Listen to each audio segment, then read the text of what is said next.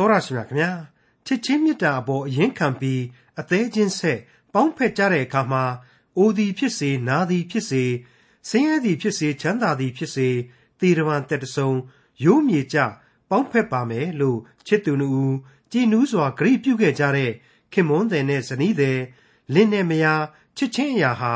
ထာဝရရှင်မြတ်စွာဘုရားသခင်နဲ့မဆိုင်ဘူးလို့ထင်မြင်ယူဆစရာဖြစ်ပါတယ်။ဒါပေမဲ့ခရိယန်တမန်ကျမ်းမှာတော့ အတူရှင်တွဲပြီးဖော်ပြထားတာကို တွေ့ရပါတယ်။ဘာကြောင့်လူတွေတယောက်နဲ့တယောက်ချစ်ခင်ပေါင်းသင်းကြတဲ့ကိစ္စမှာကယ်တင်ရှင်သခင်ယေရှုခရစ်တော်ကဘာကြောင့်ပါရတာလဲလို့စဉ်းစားစရာမေးခွန်းထုတ်စရာဖြစ်ပါတယ်။ယောက်ျားနဲ့မိန်းမအမျိုးသမီးနဲ့အမျိုးသားချစ်ခင်ပေါင်းသင်းစုံဖက်ကြတဲ့အရေးကိုယေရှုခရစ်တော်နဲ့ခရိယန်အသင်းတော်အဖွဲ့အစည်းအကြားထားရှိရမယ့်အရာတွေနဲ့အတူတွဲဖက်ဖော်ပြထားတဲ့ ခရိယန်တမန်ကျမ်းဓမ္မသစ်ကျမ်းပိုင်းတွေကအေဖဲဩဝါဒစာအခန်းကြီး9အခန်းငယ်26ကနေအခန်းငယ်33အထိကိုဒီကနေ့သင်သိရသောတမန်ကျမ်းအစီအစဉ်မှာလေ့လာမှာဖြစ်ပါတယ်။ကိုကိုကိုချစ်တယ်လို့ကျင်သူတထားဇနီးမယားအပေါ်ခင်မွန်းတဲ့လင်ယောက်ျားအပေါ်မှာလည်းချစ်ခင်မြတ်နိုးရမယ်ဆိုတာအထင်အရှားတွေ့မြင်ရမယ်အေဖဲဩဝါဒစာအခန်းကြီး9အခန်းငယ်26ကနေအခန်းငယ်33အထိကို ဒေါက်တာထွန်းမြတ်အေးကအခုလိုလေ့လာရှင်းလင်းတင်ပြထားပါတယ်။သင်သိရသောတမန်ကျမ်းသင်ခန်းစာများကိုနာတော်တဆင်းနေတဲ့မိတ်ဆွေတွေအားလုံးတို့အပေါ်မှာဘုရားသခင်ရဲ့ထံတော်မှလူသားတို့ကြံစည်၍မမိနိုင်တဲ့ညီသက်ဝမ်းမြောက်ခြင်းစုကျေးဇူးများအစဉ်သက်ရောက်ပါစေလို့ကျွန်တော်ဆုတောင်းမေတ္တာပို့သလျက်ရှိနေပါတယ်။အေဖက်ဩဝါဒစာသင်ခန်းစာများမှတဆင့်လူသားတို့ရဲ့သဘာဝချစ်ခြင်းခရစ်တော်၏အသင်းတော်ကိုချစ်ခြင်းနဲ့ အသင်းတော်ကခရစ်တော်ကိုချစ်ခြင်းဆိုတဲ့သဘောတရားမြောက်များစွာကိုကျွန်တော်လေ့လာလျက်ရှိနေကြရပါတယ်ဒီကနေ့ဆက်လက်ပြီးကြားနာကြရမှာကတော့အေဖက်ဩဝါဒစာအခန်းကြီး9အငယ်26ဖြစ်ပါတယ်ပြီးခဲ့တဲ့သင်ခန်းစာနဲ့အဆက်အဆက်ရှိနိုင်ဖို့ရန်အတွက်ကျွန်တော်အနေနဲ့ပြီးခဲ့တဲ့သင်ခန်းစာရဲ့အချုပ်ကိုအဲ့ဒီအငယ်26အငယ်29နဲ့ဆက်ဆက်ပြီးတော့ပေါင်းစုပြင်ပြရမယ်ဆိုရင်အချင်းမိန်းမတို့ခရစ်တော်သည်အသင်းတော်၏ဥကောင်းဖြစ်တယ်လို့ မိမိ၏ခင်မွန်းယောက်ျားသည်မိသားစု၏ဥကောင်းဖြစ်သည်အသင်းတော်သည်ခရစ်တော်၏အုပ်ဆိုးခြင်းကိုဝန်ခံသလိုမိမိ၏ယောက်ျားအုပ်ဆိုးခြင်းကိုအရာရာ၌ဝန်ခံကြပါအချင်းယောက်ျားတို့မိမိတို့၏ဇနီးနှင့်အိမ်တောင်စုကိုခရစ်တော်သည်အသင်းတော်ကိုချစ်သည်နိတုချစ်ကြပါဆိုတဲ့အချက်တွေးကိုကျွန်တော်အေဖက်ဩဝါဒစာမှာတွေ့ကြရပြီဖြစ်ပါတယ်အလွန်ကောင်းမွန်တဲ့သင်ခန်းစာများဖြစ်လို့လူလင်မျိုး လုံမပြိုလေးတို့အတွက်အလွန်ကောင်းတဲ့ချစ်ချင်းမေတ္တာတရားလမ်းညွှန်နေဖြစ်တယ်အိမ်တောင်ရေးခံယူချက်သဘောတရားတွေဖြစ်တယ်တစ်ချိန်တည်းမှာပဲခရစ်တော်ဟာအသင်းတော်ကိုဘလောက်ချစ်တယ်ဆိုတာကိုလေမိသားစုခရိယန်အိမ်တောင်တွေဟာမေတ္တာရောင်ပြန်ဟပ်ဖော်ပြရလိမ့်မယ်ဆိုတဲ့အချက်တွေကိုကျွန်တော်ဖော်ပြခဲ့ပြီးဖြစ်ပါတယ်ဒီကနေ့သင်ခန်းစာကတော့အဲ့ဒီအေဖက်ဩဝါဒစာအခန်းကြီး9ရဲ့အငယ်26 29နဲ့ပြန်လည်စတင်ဖို့ပဲဖြစ်ပါတယ်ထိုအသင်းတော်သည်တန်ရှင်းလျက်အပြစ် ကင်းလျက်ရှိသည်ဖြစ်၍အငြိအကျေးတင်ခြင်းအရေးတွန့်ခြင်းမှစသည်တို့နှင့်လွတ်လပ်သဖြင့်အသရေတင့်လျက်ရှိသောအသင်းတော်ကိုခရစ်တော်သည်မိမိအားဆက်သအံ့သောငါနှုတ်ကပတ်တော်ရေ၌ဆေးကြောခြင်းအပြင်စင်ကြယ်တန်ရှင်းစေမည်အကြောင်းထိုအသင်းတော်အဖို့အလိုငါကိုကိုကိုစွန့်တော်မူ၏မိษွေတော်တတ်ရှင်အပေါင်းတို့ခမညာ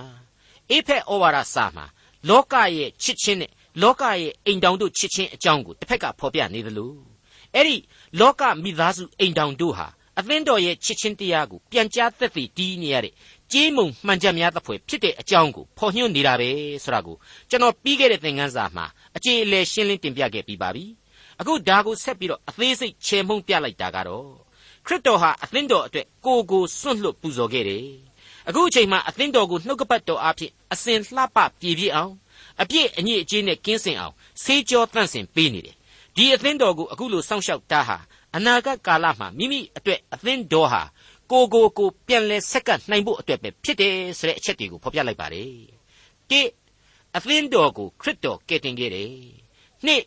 အသင်းတော်ကိုနှုတ်ကပတ်တော်အားဖြင့်အစဉ်ပြုပြင်ထိန်းချောင်းပေးနေတယ်။သုံးအဲ့ဒီအသင်းတော်ဟာသူ့ရဲ့သိသိချင်းကိုအနာဂတ်ကာလမှာခံရလိမ့်မယ်ဆိုတာတွေကိုဖော်ပြလိုက်ပါတယ်။တနည်းအားဖြင့်ကတော့အတိတ်ပြစ္ဆုတ်ပံအနာဂတ်အတွက် အသင်းတော်ကိုခရစ်တော်ဘယ်လိုဘယ်လိုပြင်ဆင်ပေးထားတော်မူတယ်ဆိုတာကိုဒီကျမ်းဟာရှင်းလင်းစွာတရုပ်ခွဲဖော်ပြလိုက်တာပါပဲ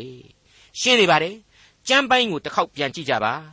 ထိုအသင်းတော်သည်တန်ရှင်းလျက်အပြည့်ကင်းလျက်ရှိသည်ဖြစ်၍အညစ်အကြေးတင်ခြင်းအရေးတွန့်ခြင်းမှစသည်တို့နှင့်လွတ်လပ်သဖြင့်အသရေတင့်လျက်ရှိသောအသင်းတော်ကိုခရစ်တော်သည်မိမိအားဆက်သအံ့သောငှာနှုတ်ကပတ်တော်ရည်၌ဆေးကြောခြင်းအပြင်စင်ကြယ်တန်ရှင်းစေမည်အကြောင်း ထိုအသင်းတော်အဖို့အလို့ငှာကိုကိုကိုစွန့်တော်မူ၏တောတရှင်မိတ်ဆွေအပေါင်းတို့ခမညာအိမ်တောင်ပြုခြင်းဆိုတဲ့လူပောင်ကိစ္စဟာသာမန်ရမက်ဖြည့်စေမဟုတ်ပါဘူးအလွန်မြင့်မြတ်တဲ့အရာပဲဖြစ်ပါတယ်အခုအချိန်ကာလမှာအိမ်တောင်ပြုခြင်းဟာဖိုနဲ့မတို့ရဲ့ကိစ္စတစ်ခုပဲဖြစ်တယ်ဆိုတဲ့အယူအဆအကြီးအကျယ်လွှမ်းမိုးနေတယ်လို့ကျွန်တော်ဆိုချင်ပါတယ်ဒါအမှန်တော့အဆင့်အမြင့်ဆုံးအတွေးအခေါ်ကနေတဆင့်နှိမ့်ကျသွားသောအတွေးအခေါ်သာဖြစ်တယ်လို့ကျွန်တော်ကတော့ပြက်ပြက်သားသားဆိုချင်ပါတယ် ဟုတ်ပါတယ်ဖိုနဲ့မတို့ရဲ့လိန်ဆက်ဆံရေးကိစ္စတစ်ခုသက်သက်မဟုတ်ပါဘူးအဲ့ဒီလိုတွေးခေါ်မှုတွေဟာဘုရားသခင်ရဲ့အလိုဆန္ဒဖြစ်တဲ့ကောင်းကင်အဆင့်ကနေပြီးတော့လူအသွေးအသားဆိုင်ရာမြေလွှာရဲ့အဆင့်ကိုရွေလျောကြဆုံးခြင်းလို့လည်းကျွန်တော်တို့ဆိုချင်ပါတယ်ဒါကိုအခုဆက်လက်ပြီးတော့တမန်တော်ကြီးကနေဘယ်လိုဆုံးမခဲ့သလဲဆိုတာကိုကြည့်ပါအေဖက်ဩဝါဒစာအခန်းကြီး9အငယ်28မှ32ထိုနည်းတူယောက်ျားတို့သည်မိမိကိုယ်ကိုချစ်တဲ့ကဲ့သို့ မိမိခင်ပွန်းတို့ကိုချစ်ရကြမည်ခင်ပွန်းကိုချစ်သောသူသည်ကိုယ်ကိုချစ်သောသူဖြစ်၏ကိုယ်အသားကိုမုံသောသူတယောက်မျှမရှိခရစ်တော်သည်အသင်းတော်ကိုကျွေးမွေးပြုစုတော်မူတဲ့ကဲ့သို့ခတ်သိမ်းသောသူတို့သည်မိမိတို့အသားကိုကျွေးမွေးပြုစုတတ်ကြ၏အကယ်စင်စစ်ငါတို့သည်သခင်ဖျား၏အသားတော်အယိုးတော်တို့အဝင်ဖြစ်၍ကိုတော်မြတ်၏အင်္ကာဖြစ်ကြ၏ထိုအကြောင်းကြောင့်ယောက်ျားသည်ကိုမိဘကိုစွန့်၍ကိုခင်ပွန်းကိုမှီဝဲသဖြင့် ထိုသူနှစ်ယောက်တို့သည်တသားတကိုယ်သည်ဖြစ်ရကြလိမ့်မည်ဤအရာသည်အလွန်နက်နဲသောအရာဖြစ်ပေ၏ထိုသို့ငါဆိုသောခရစ်တော်နှင့်အသင်းတော်ကိုရည်မှတ်၍ဆိုသည်ယောက်ျားတို့သည်ကိုကိုကိုချစ်တဲ့ကဲ့သို့ကိုခင်ပွန်းကိုချစ်ရမည်ကိုခင်ပွန်းကိုချစ်ခြင်းသည်ကိုကိုကိုချစ်ခြင်းနှင့်အတူတူပင်ဖြစ်သည်တဲ့ဘလောက်ပြတ်သားပြီပြင်လှတယ်လေအာရန်နဲ့အေဝါတို့ကိုလိန်စိတ်မတူညီမှုပေါ်မှာမူတည်ပြီးတော့အာရန်နဲ့အေဝါလို့ခွဲခြားထားတယ် ဒါပေမဲ့အာဒံများအဒမ်စ်လို့တောင်မှဖျားသခင်ကမသုံးဆွဲပဲနဲ့အာဒံဆိုတဲ့နာမတစ်ခုတည်းနဲ့ပဲအာဒံကောအေဝါကောနှစ်ယောက်စလုံးအကျုံးဝင်နေတယ်ဆိုတာကိုအကြိမ်ကြိမ်ကျွန်တော်ဖော်ပြခဲ့ပြီးဖြစ်ပါတယ်အာဒံရဲ့ဘဝဟာအေဝမပါပဲမပြည့်စုံနိုင်ခဲ့တာကိုလေကျွန်တော်ခန်းစားနားလည်ခဲ့ကြပြီးပြီဖြစ်ပါတယ်အေဝဟာအလွန်လှပတဲ့မိမချောမိမလှတယောက်ဖြစ်ခဲ့ရလိမ့်မယ်လို့ကျွန်တော်စိတ်ကူးယဉ်မိပါတယ်အထူးသဖြင့် ပထမဦးဆုံးဖန်ဆင်းထားတဲ့အာရန်အတွက်စွဲမဲ့လောက်တဲ့အရာများအားလုံးနဲ့အေးဝကိုဘုရားသခင်ဖန်ဆင်းတယ်။မတူညီတဲ့ဆန့်ကျင်ဘက်လိမ်သဘာဝတရားတို့ဟာအဲ့ဒီလိုမတူညီခြင်းကြောင့်ပင်လျှင်စွဲလန်းတွေ့တာစရာဖြစ်ခဲ့ရလိမ့်မယ်ဆိုတာအသေးချာပဲပေါ့။ဒါဟာကဘာဥစတဲ့ဘုရားသခင်ဟာလူလောကကြီးအတွက်မဟာလိုအပ်ချက်ကြီးကိုဖြည့်ဆည်းပေးလိုက်တာပါပဲ။ကို့အသားကိုမုံတော်သူတယောက်မျှမရှိ။ကိုယ်ခန္ဓာကိုယ်ကိုရှင်သန်ဖို့ရန်အတွက်လူဟာအာယုံဆိုင်ရတယ် ကို့အသားမနာအောင်ဂရုပြုရတယ်ယောက်ျားနဲ့မိန်းမရဲ့ချစ်ချင်းဟာလေအဲ့ဒီသဘောတရားအတိုင်းပဲတဲ့တူးရဲ့အကျိုးဟာကြံတူးအတွက်လည်းအကျိုးပဲဖြစ်ရလိမ့်မယ်တူးခံစားရဝေဒနာဟာကြံတူးအတွက်လည်းဖြစ်လာရလိမ့်မယ်အဲ့ဒီလိုကိုယ့်ရဲ့ကျင်ဖော်ကိုချစ်မြတ်နိုးခြင်းရဲ့အစခရစ်တော်၏ချစ်ချင်းမေတ္တာကသာလျှင်ဖြစ်တယ်ခရစ်တော်သည်အသင်းတော်ကိုကျွေးမွေးပြုစုတဲ့ကဲ့သို့ခတ်သိမ်းသောသူတို့သည်မိမိတို့အသားကိုကျွေးမွေးပြုစုတတ်ကြသည်တဲ့ကဲ ဒီအပိုင်းမှာကျတော့ခတ်သိမ်းသောသူဆိုပြီးတော့ဖော်ပြလိုက်တဲ့အတွက်ကြောင့်ကြာမသို့မဟုတ်ဖိုမမဟုတ်တော့တာကိုတွေ့ရတယ်အင်္ဂလိပ်ကျမ်းမှာကတော့ man ဆိုပြီးတော့ M A N ဆိုတဲ့ဝေါ်ဟာရနဲ့သုံးထားပါတယ်လူသားမှန်သမျှဆိုပြီးတော့ဖြစ်သွားပြီဒါဟာအလွန်အလွန်အရေးကြီးတဲ့အချက်အရေးပါအရာရောက်တဲ့အချက်ပဲလို့ကျွန်တော်ခံယူပါတယ်စောစောတုန်းကပြောနေတဲ့ယောက်ျားရဲ့အုပ်ဆိုးခြင်းကိုဝန်ခံရမယ်ယောက်ျားကလည်းကိုယ့်ခင်ပွန်းကိုခရစ်တော်ဟာအသင်းတော်ကိုချစ်တယ်လို့ချစ်ရမယ်ဆိုတဲ့အခြေခံဩဝါဒမှာ ထပ်မံဖြည့်ဆွက်ဖော်ပြလိုက်သောအရာဖြစ်တယ်လို့ကျွန်တော်လေးနဲ့စွာခံယူမိပါတယ်ဟုတ်ပါတယ်လင်နဲ့မယားဟာအခြေခံဥပဒေသားအဖြစ်ယောက်ျားရဲ့အုပ်ဆိုးခြင်းဟာရှေ့ကရှိတယ်တစ်ချိန်တည်းမှာပဲကိုင်းကျွတ်မိကျွန်းကိုကိုင်းမိဆိုတဲ့သဘောထပ်မံပေါ်လွင်လာစေပြီလို့ကျွန်တော်ဆိုချင်ပါတယ်ခတ်သိမ်းသောသူသို့မဟုတ်ကြာမမရွေလိန်စိတ်မကွဲမပြားမေတ္တာများစွာနဲ့လင်မယားတို့ချစ်ကြရမယ် အကယ်၍များသာယောက်ျားကဥမဆောင်နိုင်တဲ့အခြေအနေမျိုးကိုရောက်နေပြီဆိုပါတော့ကိစ္စမရှိဘူးပမာအားဖြင့်ယောက်ျားကမကြမ်းပါဘူးရှာဖွေမကြွေးနိုင်လောက်တဲ့အခြေအနေဇိုးကြီးဖြစ်နေတယ်ဆိုပါတော့ရုပ်ပိုင်းဆိုင်ရာစိတ်ပိုင်းဆိုင်ရာဝေဒနာတစ်ခုခုကြောင့်ယောက်ျားဟာမလှုပ်မရှက်ဖြစ်နေတယ်ဆိုပါတော့ဒုက္ခတစ်ခုခုဆက်ရောက်နေတယ်ဆိုပါတော့ယောက်ျားရဲ့ဥဆောင်မှုအခန်းကဏ္ဍကိုဒီမိန်းမဟာပြောင်းလဲပြီးတာဝန်ကိုယူပေးရမယ်ဆိုတဲ့အချက်ပေါ်လာတယ်ချစ်ချင်းမေတ္တာတရားနဲ့အညီ ကိုယ့်အသွေးအသားတို့အတွက်တာဝန်ရှိလာတယ်ဆိုတာကိုဝန်ခံရမယ်ဆိုတဲ့အချက်ကိုအခုအေဖက်ဩဝါဒစာဟာဖော်ပြလိုက်ပါတယ်မိษွေအပေါင်းတို့ခမညာကျွန်တော်ဟာပြီးခဲ့တဲ့သင်သိရသောသမာကျမ်းသင်ခန်းစာပေါင်းများစွာတို့မှာကျွန်တော်ရဲ့အယူအဆတွေကိုပွင့်ပွင့်လင်းလင်းဖော်ပြခဲ့တဲ့အချက်တွေရှိခဲ့ဘူးပါတယ်ဂရဝါသလူကိစ္စကိုဖျားသခင်အလိုတော်ရှိတယ်ဒါပေမဲ့အိမ်တောင်သာပြုတ်ထားပြီးတော့သားသမီးတွေကိုပျောက်တော့မွေးထားတယ်အိမ်တောင်ကိုမထိမ့်မသိမ့်နိုင်တဲ့ဖိုမတို့တဲ့ယောက်ျားတို့မိန်းမတို့တဲ့ ဒီဂရဝါသအမှုကိုတော့မပြုတ်ဘူးဖျားသခင်ရဲ့အလိုတော်ကိုဖြည့်ဆည်းထားတဲ့လူယောက်ျားလူမိန်းမတွေဟာလေဖျားသခင်အလိုတော်အတိုင်းဘဝတာဝန်ကိုကြေပြွန်ကြတာပဲဆိုတာကိုဖော်ပြခဲ့ပြီးဖြစ်ပါတယ်ဟုတ်ပါတယ်ကျွန်တော်ရဲ့အသက်တာမှာအလွန်လေးစားမြတ်နိုးရတဲ့ပုံကိုကြီးတွေကိုကျွန်တော်တွေ့ဘူးပါတယ်အဲ့ဒီအထက်မှာအမြောက်အများတို့ဟာလောကရဲ့အချစ်ကိုမရှာဘဲနဲ့အပြိုကြီးများအဖြစ်သာအမှုတော်ကိုထမ်းခဲ့ကြတဲ့ဆီယာမကြီးတွေဖြစ်တယ်ဆိုတာကိုကျွန်တော်ဖော်ပြခဲ့ပါတယ်အဲ့ဒီဆီယာမကြီးတွေရဲ့ကျေးဇူးတရားတွေဟာ ကျွန်တော်လိုလူမျိုးအပေါ်မှာမပြောနဲ့တိုင်းပြည်အပေါ်မှာတောင်မှကျေးဇူးကြီးမားစွာတင်ရှိနေတယ်ဆိုတာကိုပါကျွန်တော်ထည့်သွင်းတင်ပြခဲ့ပူပါတယ်အဲ့ဒီလိုပါပဲအိမ်တောင်ပြုတ်တယ်သားသမီးမရဘူးဆိုပါတော့လူတဘာဝအားငယ်တယ်လို့တော့ခန်းစားကြရမှာပဲဒါပေမဲ့အပေါ်ယံလွှာကိုမစင်စားကြပါနဲ့အနှစ်သာရကိုသာရှာဖွေကြည့်ကြပါသားသမီးမရှိခြင်းအပြင်သားသမီးတွေကိုပျောက်တော့မွေးထားတဲ့မိဘတွေတဲ့ပို့ပြီးတော့တောင်မှကိုတူလေးတွေတူမလေးတွေအပေါ်မှာတာဝန်ကြည်နိုင်တဲ့အပိုင်းတွေ တာဝန်ယူရမှုအပိုင်းတွေမှာပို့ပြီးတော့အားကောင်းမောင်းတန်ရှိလာတယ်ပို့ပြီးတော့အသက်တာတာဝန်တွေဟာကြေကြေပြုံပြုံနဲ့မုံမုံမြက်မြက်ထမ်းဆောင်နိုင်တယ်ဆိုတဲ့အချက်တွေကိုတွေ့ရပါတယ်အဲ့ဒီနည်းအားဖြင့်သားသမီးမရှိတဲ့ဇနီးမောင်နှံတွေကိုလည်းဘုရားသခင်ကအသုံးပြုနိုင်တယ်ဒီပုံကုမျိုးတွေဟာကိုယ်ဆွေမျိုးစုတာဝန်တွေကိုပါမေတ္တာများစွာနဲ့ခွဲဝေထမ်းဆောင်နိုင်တယ်ဆိုတာကိုမုံမမြတ်တွေ့ရတယ်ဆိုတာကိုလည်းကျွန်တော်ဖော်ပြခဲ့ပြီးပါပြီအခုအေဖက်ဩဝါဒစာကဖော်ပြနေတာဟာ ကျွန်တော်အသေးစိတ်တာမျိုးသိပ်ပြီးတော့အသေးစိတ်မထားပါဘူးလင်နဲ့မယားတို့ရဲ့ချစ်ချင်းခရစ်တော်နဲ့အသင်းတော်ရဲ့ချစ်ချင်းဆိုတဲ့ချစ်ချင်းမေတ္တာတော်ရဲ့သဘောကိုသာပေါ်လွင်စေခြင်းတဲ့အတွေ့အထူးသဖြင့်ခရစ်တော်နဲ့အသင်းတော်ဤချစ်ချင်းကိုအဓိကဥတည်ထားတဲ့အတွေ့အခြားသောချစ်ချင်းတရားတို့ကိုအသေးစိတ်မဖော်ပြတာပဲဖြစ်ပါတယ်အထူးသဖြင့်ဖျားသခင်သိစေလိုတဲ့အသင်းတော်ဤချစ်ချင်းကိုပုံဆောင်ရမှာထိရိရောက်ဖြစ်စေဖို့အတွက်သားလျှင်အခုလိုသီးသန့်ဥပမာကိုဖော်ပြနေတာပဲဖြစ်ပါတယ်အကယ်စင်စေ ငါတို့သည်သခင်ဖျားဤအသားတော်အယိုးတော်တို့အဝင်ဖြစ်၍ကိုတော်မြတ်ဤအင်္ကာဖြစ်ကြ၏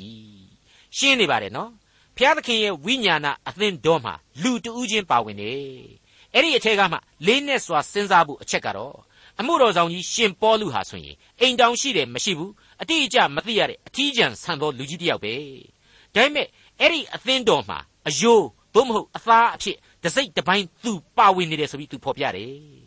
အဲ့ဒီအယိုးအသားမှစတဲ့အယေပြားအယွတ်အမွေးအမင်း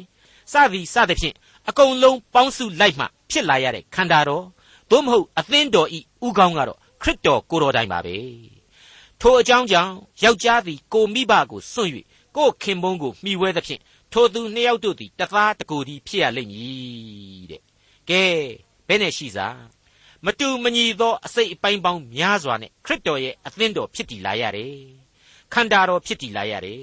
အဲ့ဒီအသင်းတော်ရဲ့ပုံတူအသေးစားကလေးကိုတော့အိမ်တောင်တစ်ခုဟာဖော်ပြနိုင်တယ်ဆိုတာကိုအသားပေးရှင်းပြလိုက်တဲ့အတူတူပဲဖြစ်နေပြီမဟုတ်ဘူးလားအဲ့ဒီလိုအိမ်တောင်တစ်ခုကိုတိဆောက်ဖို့ရန်အတွက်လေယောက်ျားဟာကို့မိဘကိုစွန့်တယ်ကို့ခင်ပွန်းနဲ့ပဲပေါင်းသင်းရယူထုံးစံဖြစ်တယ်တဲ့အဲ့ဒီအချက်ကိုရောရေပုံရအဖြစ်ဘသူညင်းနိုင်မလဲဘသူကန့်ကွက်နိုင်မလဲဒါကိုတချို့ကအစွန်းရောက်အတွေးအခေါ်နဲ့ခံယူကြတာရှိပါတယ် လှေနံဓာတ်တဲ့အတိတ်ပဲပြန်ဆိုကြတာရှိပါတယ်မိဘကိုစွန့်တယ်ဆိုတာဟာခြေစုံကံပြီးအိမ်ကဆင်းမိမယူပြီးတော့ဒဇင်ထောင်တယ်ဆိုတဲ့မာနသဘောမျိုးတလွဲတွေးခေါ်တတ်ကြပါတယ်အဲ့ဒီလိုအရှင်းမဟုတ်ပါဘူးလူဘဝအတွင်းမှာပဲတဆစ်ချိုးအကွေကလေးတစ်ခုတည်းကိုတိုးဝင်ရခြင်းမိဘတို့ရဲ့အရေးအာဝါသမှတဖန်ချစ်သူထံသို့ပြောင်းလဲကူးသန်းသွားရခြင်းကိုယ်တိုင်ဟာနောက်ထပ်အရေးအမြုံတစ်ခုကိုထူထောင်ပေးရခြင်းပဲဆိုတဲ့သဘာဝတရားကြီးဖြစ်လာပါတယ်ဒါဟာဘာမှမဆန်းပါဘူး ကဘာဦးမာကလေးကအချင်းတို့များပြားစွာမွေးဖွားကြလော့မြေကြီးကိုပြည့်စီကြလော့ဆိုပြီးတော့ဒီအမိန့်တော်အတိုင်းလူသမိုင်းအဆက်ဆက်ဟာဒီအတိုင်းပဲဖြစ်နေရတာပါအနာဂတ်ကာလတစ်လျှောက်လုံးမှာလေဒီအတိုင်းပဲသမိုင်းဟာဆက်လက်ချီတက်သွားအောင်မှာပါဒါကြောင့်မလို့ဒီလိုအိမ်တောင်တည်ခြင်းဟာအပြစ်လည်းမဟုတ်ပါဘူးဘာမှဆန်းလည်းမဆန်းပါဘူးအရေးကြီးတာကတော့မိဘသို့မဟုတ်မျိုးရိုးဗီဇရဲ့အပြစ်သမိုင်းဟောင်းမှာကိုဟာလူဖြစ်လာရတယ် အဲ့ဒီအတိတ်မိဘရဲ့အရေးကနေစွန့်ခွာပြီးတော့ဘဝသစ်ကိုအချစ်နဲ့ထူထောင်ရသလိုကိုယ်အသက်တိုးဝင်ရတဲ့မေတ္တာရိပ်မြုံဟာဖျားသခင်ရှေ့လူကြီးမိဘတို့ရှေ့မှာအသရေရှိဖို့မင်္ဂလာဆောင်တယ်ဆိုတဲ့စကားနဲ့အညီအမှန်မင်္ဂလာတရားနဲ့ညီညွတ်စေဖို့အမင်္ဂလာများကိုရှောင်နိုင်ဖို့သာလိုတယ်လို့ကျွန်တော်ဒီနေရာမှာဆိုချင်ပါတယ်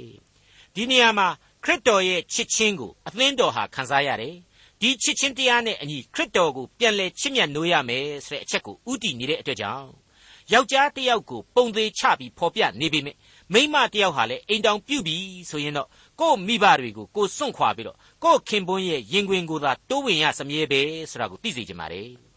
ဒီအပိုင်းကိုကျွန်တော်ကတင်ပြရင်းနဲ့ကျွန်တော်ဖတ်ဖူးတဲ့ဇလံတစ်ခုတည်းကဓမ္မဆရာလေးတယောက်ရဲ့အကြောင်းကိုကျွန်တော်သတိရမိပါတယ်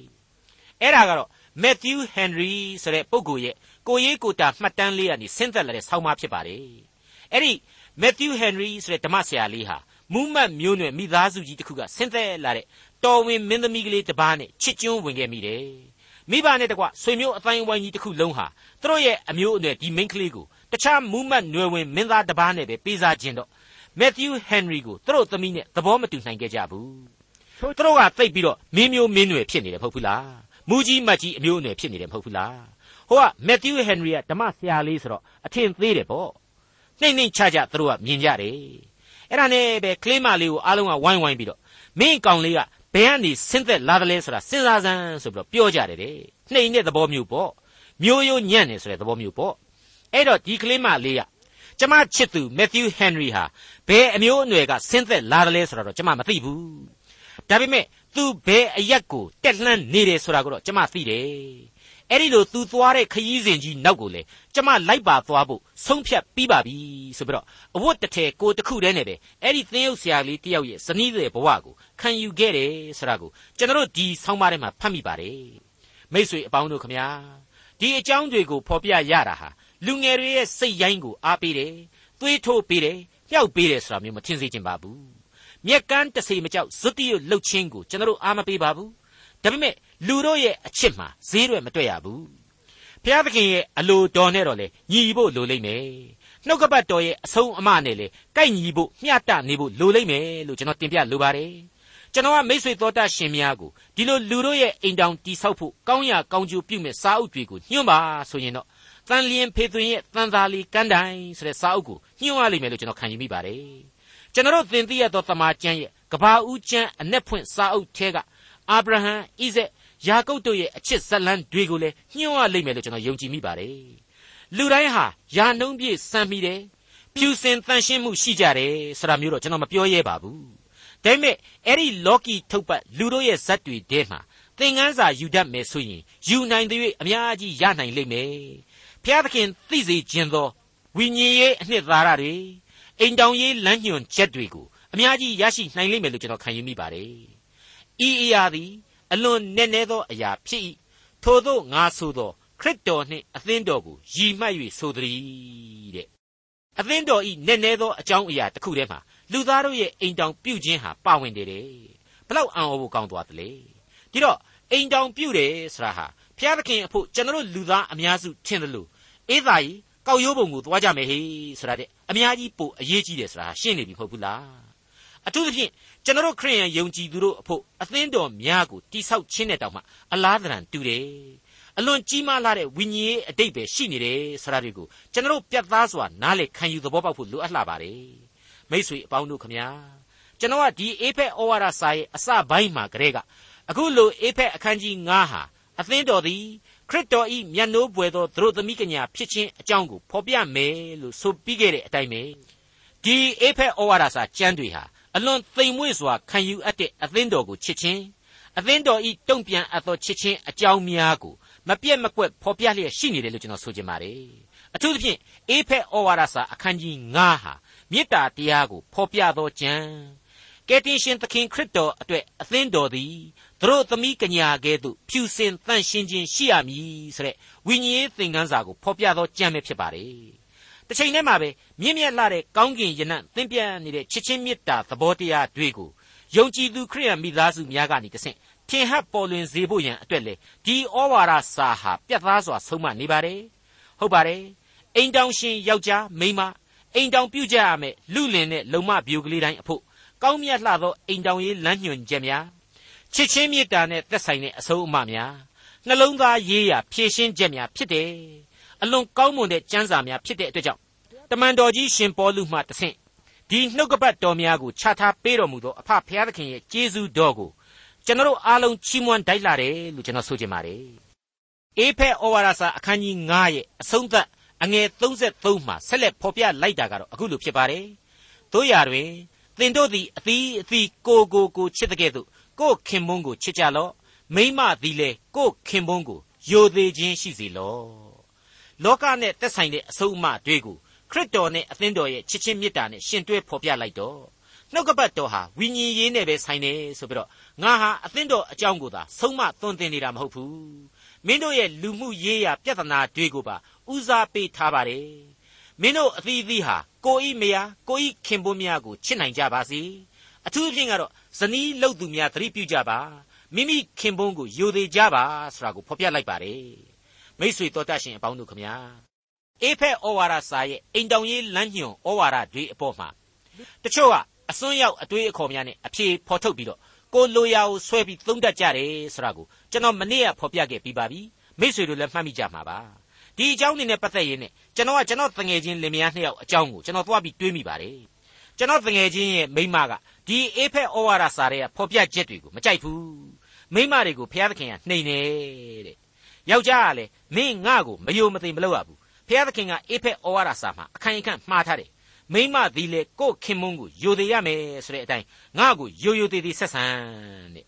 အဲ့ဒီတငယ်ချင်းကအမှန်တော့လူပြောင်လူနောက်တယောက်ပါသူမိမကတဖြည်းဖြည်းဝဝလာပြန်တော့လေဟေး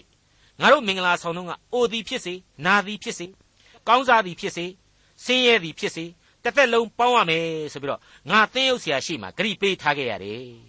အဲ့ဒီအထက်မှာ ဝသည်ဖြစ်စီဆိုတော့မပါဘူးအဲ့ဒီတော့မင်းအခုတဖြည်းဖြည်းဝဝလာပြီကြက်ကြက်သာသတိထားပြီတော့တဲ့မိษွေတော်တတ်ရှင်အပေါင်းတို့ခမညာအမှန်တော့နှုတ်ကပတ်တော်ဟာဘယ်နေရာမှာမှတစ်ဖက်စောင်းနေမဟုတ်ကြောင်းကိုသိစေခြင်းပါတယ်ဖျားသခင်ထူထောင်စေခြင်းသောအိမ်တောင်များရဲ့အကြောင်းကိုပြီးခဲ့တဲ့သင်ခန်းစာမှာလည်းကျွန်တော်ဖော်ပြခဲ့ပြီးပါပြီဒါကိုဒါဝိမင်းကြီးရေးသားပြုစုခဲ့တဲ့ဆာလံတီချင်းများဟာရှင်းလင်းပြတ်သားစွာဖော်ပြနေပါတယ် ကျွန်တော်အနေနဲ့128ခုမြောက်သောဆာလံကိုတစ်ခေါက်ပြန်ပြီးတော့ဖတ်ပြခြင်းပါတယ်မိษွေတို့နားဆင်ကြည့်ကြပါဦးထာဝရဘုရားသည်အိမ်ကိုဆောက်တော်မမူလျင်ဆောက်သောသူတို့သည်အချီးနှီးလှုပ်ဆောင်ကြ၏ထာဝရဘုရားသည်မြို့ကိုစောင့်တော်မမူလျင်ကင်းဆောင်တို့သည်အချီးနှီးစောင့်ကြ၏စောစောထလျက်ညစ်နေသည်တိုင်အောင်မအိပ်ဖဲနေလျက်ပင်မန်းစွာအစာစားလျက်နေတော်လဲအကျိုးမရှိအိပ်ပျော်ရသောအခွင့်ကိုချစ်တော်မူသောသူအားအမှန်ပေးတော်မူ၏ ဖွားမြင်သောသားသမီးတို့သည်ထာဝရဘုရားဆုချ၍ပေးသနာတော်မူသောအမွေဥစ္စာဖြစ်ကြ၏အသက်ပြိုစဉ်ဖွားမြင်သောသားသမီးတို့သည်သူရဲ့လက်၌ရှိသောမြားကဲ့သို့ဖြစ်ကြ၏မိမိမြားတော်ကိုသူတို့နှင့်ပြည့်စေသောသူသည်မင်္ဂလာရှိ၏သူတို့သည်ရှက်ကြောက်ခြင်းမရှိရန်သူတို့ကိုတကဝ၌စီတာကြလိမ့်မည်မိษွေတော်တတ်ရှင်အပေါင်းတို့ခမညာဖျားသခင်ဟာလူသားတွေကိုအသက်ပေးပြီးတော့ရွေးချယ်ခဲ့တဲ့ဖျားသခင်ဖြစ်ပါတယ် သူပေးခဲ့တဲ့အသက်လမ်းပေါ်မှာရှောက်လှမ်းသူလူသားများအားလုံးတို့ဟာလေသူ၏ဝိညာဏအသင်းတော်မှာပါဝင်ရတဲ့သူတွေဖြစ်တယ်သူ၏ခန္ဓာတော်သူ၌လူသစ်ဖြစ်သောအဖွဲ့အစည်းဝင်များဖြစ်ကြတယ်ဒီလူသားတွေဟာကမ္ဘာလောကကြီးထဲမှာရှင်သန်နေကြရတဲ့အချိန်မှာလောကတာဝန်များအသီးသီးကိုကြေပြွန်စွာထမ်းဆောင်သွားကြရတယ်လူသားတွေဟာအိမ်တောင်များကိုပြုတဲ့အချိန်မှာဒီအိမ်တောင်အသီးသီးတို့ဟာဝိညာဏအသင်းတော်ဤကျေးမုံမှန်များသဖွယ် ဘုရားသခင်ဤချစ်ချင်းမေတ္တာကိုပြန်လဲထင်ဟပ်ပေါ်လွင်စေဖို့ရန်တာဝန်ရှိတယ်ဆိုတဲ့အချက်တွေကိုကျွန်တော်တို့အလေးအနက်မှတ်သားထားဖို့လိုအပ်လာပါတယ်မိษွေတော်တတ်ရှင်အပေါင်းတို့အချင်းယောက်ျားတို့ခရစ်တော်သည်အသင်းတော်ကိုချစ်တော်မူတဲ့ကဲ့သို့သင်တို့လည်းကိုခင်ပွန်းကိုချစ်ကြလော့ဆရာကိုအခိုင်အမာဖော်ပြခဲ့ပြီးပါပြီအမှန်တော့ခရစ်တော်ကိုဗဟိုပြုတဲ့အသင်းတော်ခရစ်တော်ကိုဗဟိုပြုတဲ့လူသားတို့ဖြစ်ဖို့ရန်အဓိကဖြစ်ပါတယ်အဲ့ဒီလိုခရစ်တော်၌ဗဟိုပြုသောသူရဲ့အသက်တာဟာ တန်ရှင်းသောဝိညာဉ်တော်နဲ့ပြည့်ဝအောင်လို့ကိုယ့်ကိုယ်ကိုကြိုးစားအားထုတ်ပေးကြရလိမ့်မယ်အစဉ်သဖြင့်သခင်နှင့်မကွဲမကွာအသက်ရှင်ကြရလိမ့်မယ်အဲ့ဒီလိုသာရှင်သန်ခြင်းရှိနိုင်မယ်ဆိုရင်အခုအေဖက်ဩဝါဒစာကဖော်ပြခဲ့တဲ့ဘဝလမ်းညွန်အဆုံးအမအပေါင်းတို့ဟာအလွန်အလွန်လွယ်ကူသွားသောဩဝါဒများလွယ်ကူစွာလိုက်နာနိုင်သောစီကံကလေးများဖျားသခင်ဤအသက်လမ်းပေါ်မှာမွန်မြတ်သောအသက်တာဤကျင့်ဆောင်ရာတာဝန်များ ခက်ခက်ခဲခဲလိုက်နာနေဖို့မလိုတဲ့ဖျားသခင်သိစေခြင်းတဲ့အချက်များဖဖျားသခင်ရဲ့ကျေးဇူးတော်ကိုအစဉ်တစိုက်ခံယူနိုင်သောမိသားစုများ၏အခြေခံမူများဖြစ်လာပါလိမ့်မယ်129ခုမြောက်သောဆာလံ128ခုမြောက်သောဆာလံတို့မှာဖော်ပြထားတဲ့မင်္ဂလာတရားနှင့်ပြည့်စုံသောအိမ်တောင်များကိုမင်္ဂလာရှိစွာနဲ့တိဆောက်ပြီးတဲ့နောက်ခရစ်တော်ချစ်မြတ်နိုးသောဝိညာဏအသင်းတော်ဤချစ်ချင်းမေတ္တာအလင်းတရားကို ပတ်ဝန်းကျင်ကဘာလောက၌ဝေမျှနိုင်သောသူများအသီးသီးဖြစ်ကြပါစေလို့တင်သိရသောတမန်ကျန်အဖွဲ့မှမိษွေတို့အားလုံးအတွက်ဆုတောင်းမေတ္တာပို့သလိုက်ပါတယ်ခင်ဗျာဒေါက်တာထွန်းမြတ်ရေးစီစဉ်တင်ဆက်တဲ့တင်သိရသောတမန်ကျန်အစီအစဉ်ဖြစ်ပါတယ်နောက်တစ်ချိန်အစီအစဉ်မှာခရိယန်တမန်ကျန်ဓမ္မသစ်ကျမ်းပိုင်းတွေကဧဖက်ဩဝါဒစာအခန်းကြီး6အခန်းငယ်1ကနေအခန်းငယ်4အထိကိုလေ့လာမှာဖြစ်တဲ့အတွက်စောင့်မျှော်နားဆင်နိုင်ပါတယ်။